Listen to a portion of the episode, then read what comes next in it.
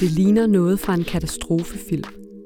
Himlen er blodrød, røgen indhylder alt i et gråligt skær, og skovene er opslugt af meterhøje flammer. Dyr og mennesker er på flugt fra det, der engang var deres hjem. Da skovbrændene ramte Australien i begyndelsen af 2020, var de nogle af de værste i nyere tid. Skovbrand er jo ikke noget nyt fænomen, men omfanget og hyppigheden, som vi ser nu, det har vi jo slet, slet ikke set før. Klimaforandringerne er en af hovedårsagerne til, at verdens skove brænder som aldrig før. Og det har store konsekvenser for både kloden, klimaet og for os mennesker – skoven den spiller en helt enorm rolle, både i forhold til klimaforandringer, men den spiller altså også virkelig en, en meget stor rolle for, for verdens fattige, øh, både i form af at, at give fødevarer, men også i form af at, at give en direkte indkomst. Laura Wang Rasmussen forsker blandt andet i fremtiden for verdens skove. Jeg er ansat som adjunkt på Institut for Geovidenskab og Naturforvaltning på Københavns Universitet. Dagens afsnit af Klimapodcasten handler om, hvorfor det bør bekymre os alle sammen, at skovene går en dyster fremtid i møde. Mit navn er Louise Skov Drivsholm, og jeg er journalist på Information.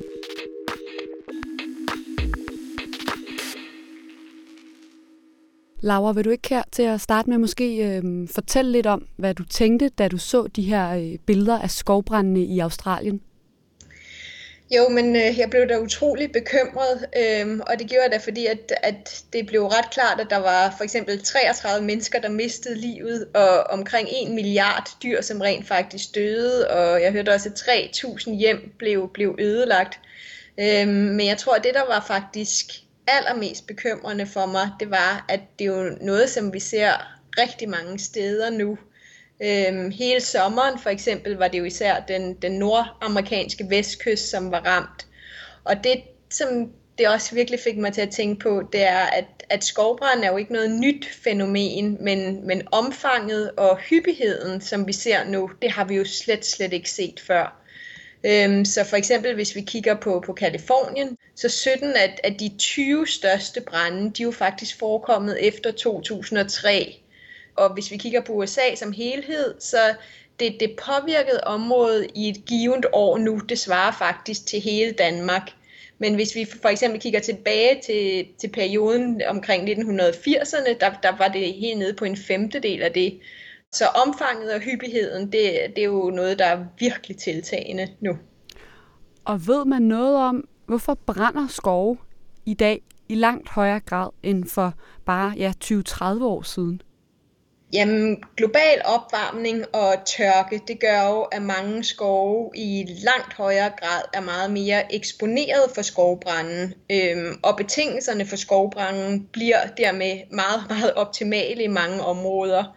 Øhm, hvis vi for eksempel kigger på et område som Kalifornien, så den ekstreme nedbør i foråret, den får vegetationen til at vokse øhm, og skabe meget mere brandbart materiale, og når sommeren så kommer, og tørken den sætter ind, så sker der det, at vandet i træerne fordamper, og mange af skovene de bliver bogstaveligt talt øh, knastørre, og det, det er jo en sand brandfælde.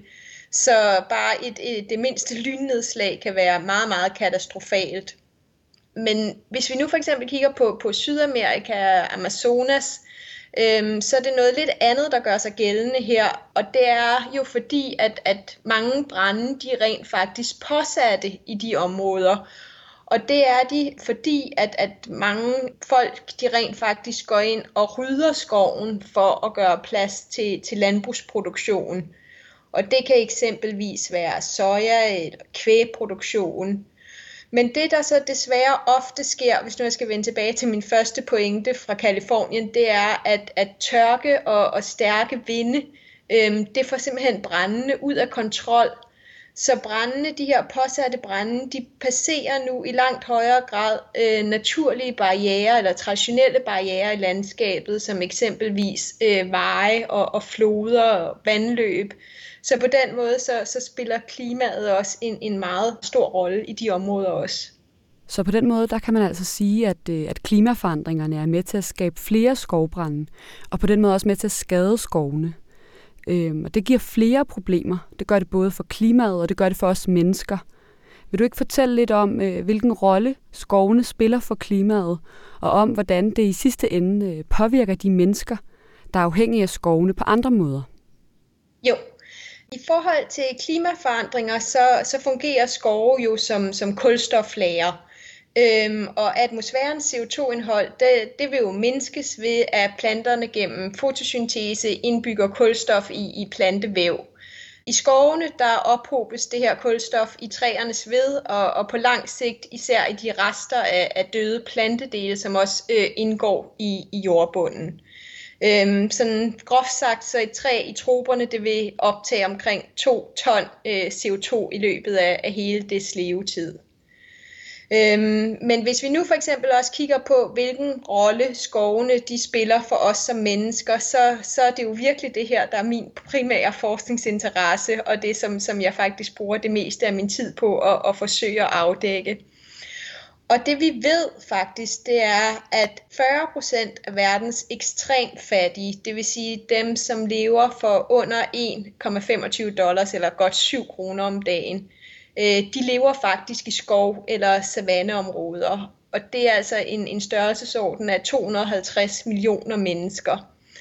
Og vi ved, at rigtig mange af, af de her folk, de er meget afhængige af skoven. Øhm, det kan for eksempel være i forhold til produkter, som de indsamler i skoven, som kan bidrage til deres fødevareindtag, øhm, eksempelvis vilde dyr og frugter og nødder. Øhm, og ofte så er de fødevarer, som de indsamler i skoven, faktisk af afgørende betydning for øh, at opfylde øh, folks behov for en række forskellige mikronæringsstoffer. Øhm, det kan eksempelvis være vitamin A.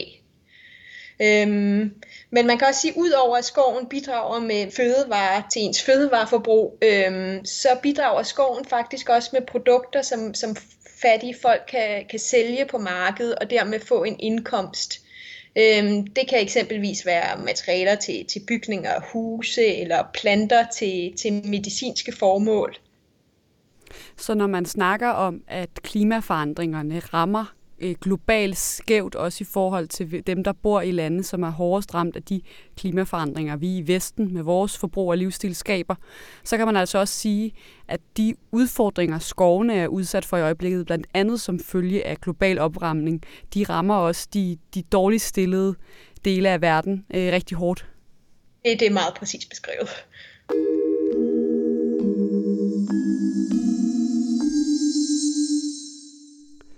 Og hvis man så kigger på, hvordan det går med, med skovene rundt omkring i verden, hvad end det er regnskov eller, eller bøgeskov, som vi kender herhjemmefra, altså i løbet af de seneste årtier så, hvordan, altså, hvordan er det så gået med, med skovvæksten? Er der mere skov i dag end for 10-20 år siden? Ja, øh, altså hvis vi kigger på, hvor meget skov der i dag er i verden, så er der øh, 4 milliarder øh, hektar, og det, det er cirka 40 millioner øh, kvadratkilometer, og det er faktisk 31 procent af det totale øh, landområde. Øh, man kan også sige det på den måde, at det er cirka 5.000 kvadratmeter per person. Og en, det er kun en tredjedel af den skov nu, som er, som er forholdsvis uforstyrret. Men det der er ved det også, som, som du selv nævnte også, det er, at, den, at der er en meget ulige fordeling af, hvor den her skov også er. Øhm, mere af halvdelen af, af den skov, vi i dag har, den findes faktisk i, i kun fem lande. Og det er, det er Rusland, det er Brasilien, det er Kanada, det er USA øh, og Kina. Hvis vi nu kigger tilbage på for eksempel siden 1990, øh, så øh, ved vi, at, at ud af det totale skovareal, der har vi faktisk tabt 420 millioner hektar skov. Øh, og det svarer altså til, til cirka 100 gange Danmarks størrelse. Øhm, så det er ligesom, hvis man kigger tilbage, helt tilbage fra, fra 1990. Hvis vi nu bare kigger på de seneste fem år, øhm, så den årlige afskovningsrate, den, den ligger på cirka 10 millioner hektar per år, og det, det er cirka to gange Danmarks størrelse. Øhm, jeg tror også, det er vigtigt at sige her, at det faktisk ser en lille smule bedre ud nu sammenlignet med, med nogle år i øh, 1990'erne, hvor den, den årlige rate var op på, på omkring 16 millioner hektar. Og når man så kigger på, hvorfor skovene er i tilbagegang, nu har vi jo allerede snakket om om skovrydning og så om skovbrænde, der blandt andet øh, intensiveres af den globale opvarmning. Er det her de primære årsager til, at der er mindre skov i dag end, end tidligere, eller hvordan? Ja, altså jeg tror gerne, jeg vil referere til et studie her fra, fra 2018, hvor det de gjorde, det var, at de kortlagde årsager til skovtab i perioden fra 2001 til 2015. Øhm, og det de rent faktisk fandt, det var, at, at 27 procent af alt den skov, som tabes, det skyldes landbrug. Øh, primært øh, landbrug, hvor der dyrkes øh, salgsafgrøder, såsom øh, soja. Og det, det ser vi jo eksempelvis i, i Brasilien. Og det er jo afgrøder, som, som typisk for eksempel anvendes som, som foder til, til svineproduktion, øhm, og, og det skal altså ofte ses i forbindelse med den, den øgede efterspørgsel på, på de her varer, for eksempel fra, fra Kina. Øhm, den sekundære grund til, til skovtab, det kortlagde de som, at, at 23 procent øh, skyldes skovbranden.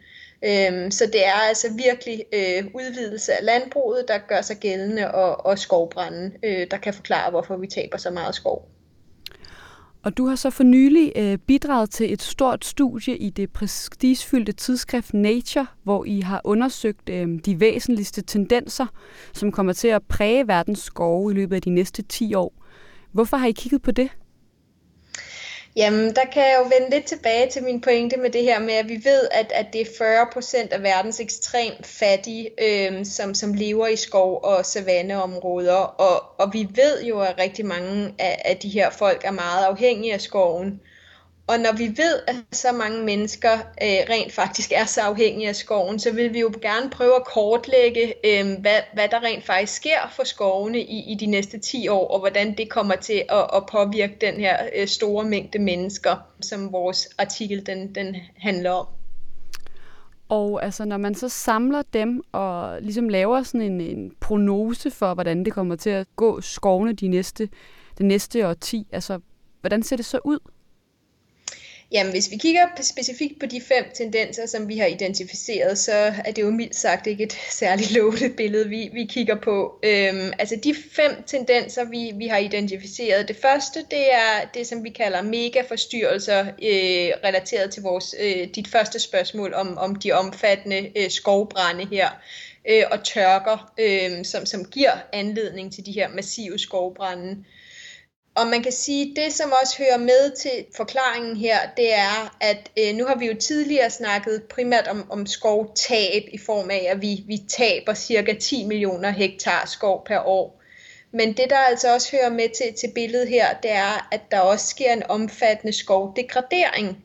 Det vil sige, hvor der altså stadig er skov, men hvor skovens tilstand bliver væsentligt forringet.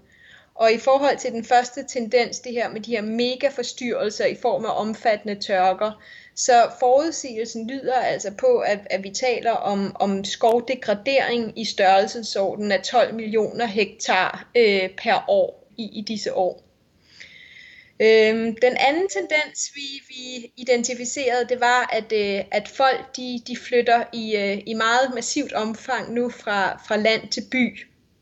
Øhm, og effekten af det på, på skovene kan rent faktisk gå to forskellige veje, og, og vi ved faktisk ikke særlig meget om, hvilken en af, af de her to veje, der er mest udbredt. Øh, I Nepal, der ser vi for eksempel, at i og med at folk de flytter fra land til by, så er der mindre pres på landbrugsproduktionen i landområderne på grund af færre mennesker i landområderne. Og det kan faktisk føre til, til mere skov og genplantning af skov, Øhm, men hvis vi så for eksempel kigger på Amazonas eller Sydøstasien, øhm, så er det faktisk en modsatrettet tendens, vi ser, hvor det, at folk de flytter fra land til by, det fører i højere grad til skovrydning og mindre skov, fordi der nu er en kraftig ekspansion af landbruget, øh, fordi at folk i byerne, de typisk efterspørger de her nye varer og produkter, øh, som, som kræver noget areal. Altså for eksempel i byerne, der, der folk, de spiser jo i langt højere grad meget mere forarbejdet fødevarer, og det kræver eksempelvis en omfattende produktion af, af palmeolie. Øhm, så det er den, den anden tendens. Den tredje tendens, vi identificerede, det var en omfattende udvidelse af infrastruktur. Og der, øh, der lyder forudsigelsen, at, øh, at vi kan forvente 25 millioner kilometer nye veje og det er rent faktisk øh, en 60% øgning af vejnettet fra, fra 2010, og det vil jo uden tvivl føre til, til massiv skovrydning. Øh, den fjerde tendens, det var øh, en, en massiv voksende middelklasse. Øh, hvis vi for eksempel kigger på, på Afrika, øh, så, så middelklassen, det er jo dem, som lever for mellem 24 dollars om dagen. Øh, det er cirka mellem 25 og 120 kroner. Den klasse udgjorde øh, 34% af Afrikas befolkning i 2010, men hvis vi kigger frem til 2060, så forventes den faktisk at udgøre øh, 42%. Og hvis du så samtidig tager højde for befolkningsvækst, hvis du tager det med i billedet, så taler vi altså om en stigning af, af middelklassen fra at udgøre 355 millioner mennesker til at udgøre 1,1 milliard mennesker i 2060. Og der kan man så vende tilbage til det her igen med, at, at middelklassen efterspørger nogle helt andre produkter fra både øh, landbruget og, og fra skovene, end de ekstremt øh, fattige. Så det vil jo virkelig sætte, sætte pres på skovene i og med, at der skal produceres mange flere af de her produkter. Den aller sidste tendens, vi identificerede, den femte, det, det var en voldsom udvikling i digitale teknologier. Et eksempel det er antallet af mobilabonnementer, hvor at, øh, at der var omkring en halv milliard i 2000 på global plan, mens vi i dag har cirka 16 gange så mange, så cirka øh, 8 milliarder øh, abonnementer. Øh, vi har også set en, en enorm udvikling i brugen af satellitbilleder til at over, overvåge øh, skovrydning, og de her nye teknologimuligheder, de kan både være enormt positive faktisk i forhold til, til skoven, da kommunikationen i forhold til overvågning af, af skovrydning virkelig er blevet forbedret, og, øhm, og, og det, altså det, det kan faktisk være rigtig positivt. Men man kan dog også forestille sig nogle situationer, hvor teknologien rent faktisk kan misbruges, øhm, for eksempel i forhold til, til mange ulovlige mineaktiviteter, der jo stadig øh, desværre sker i, øh, i skovområder.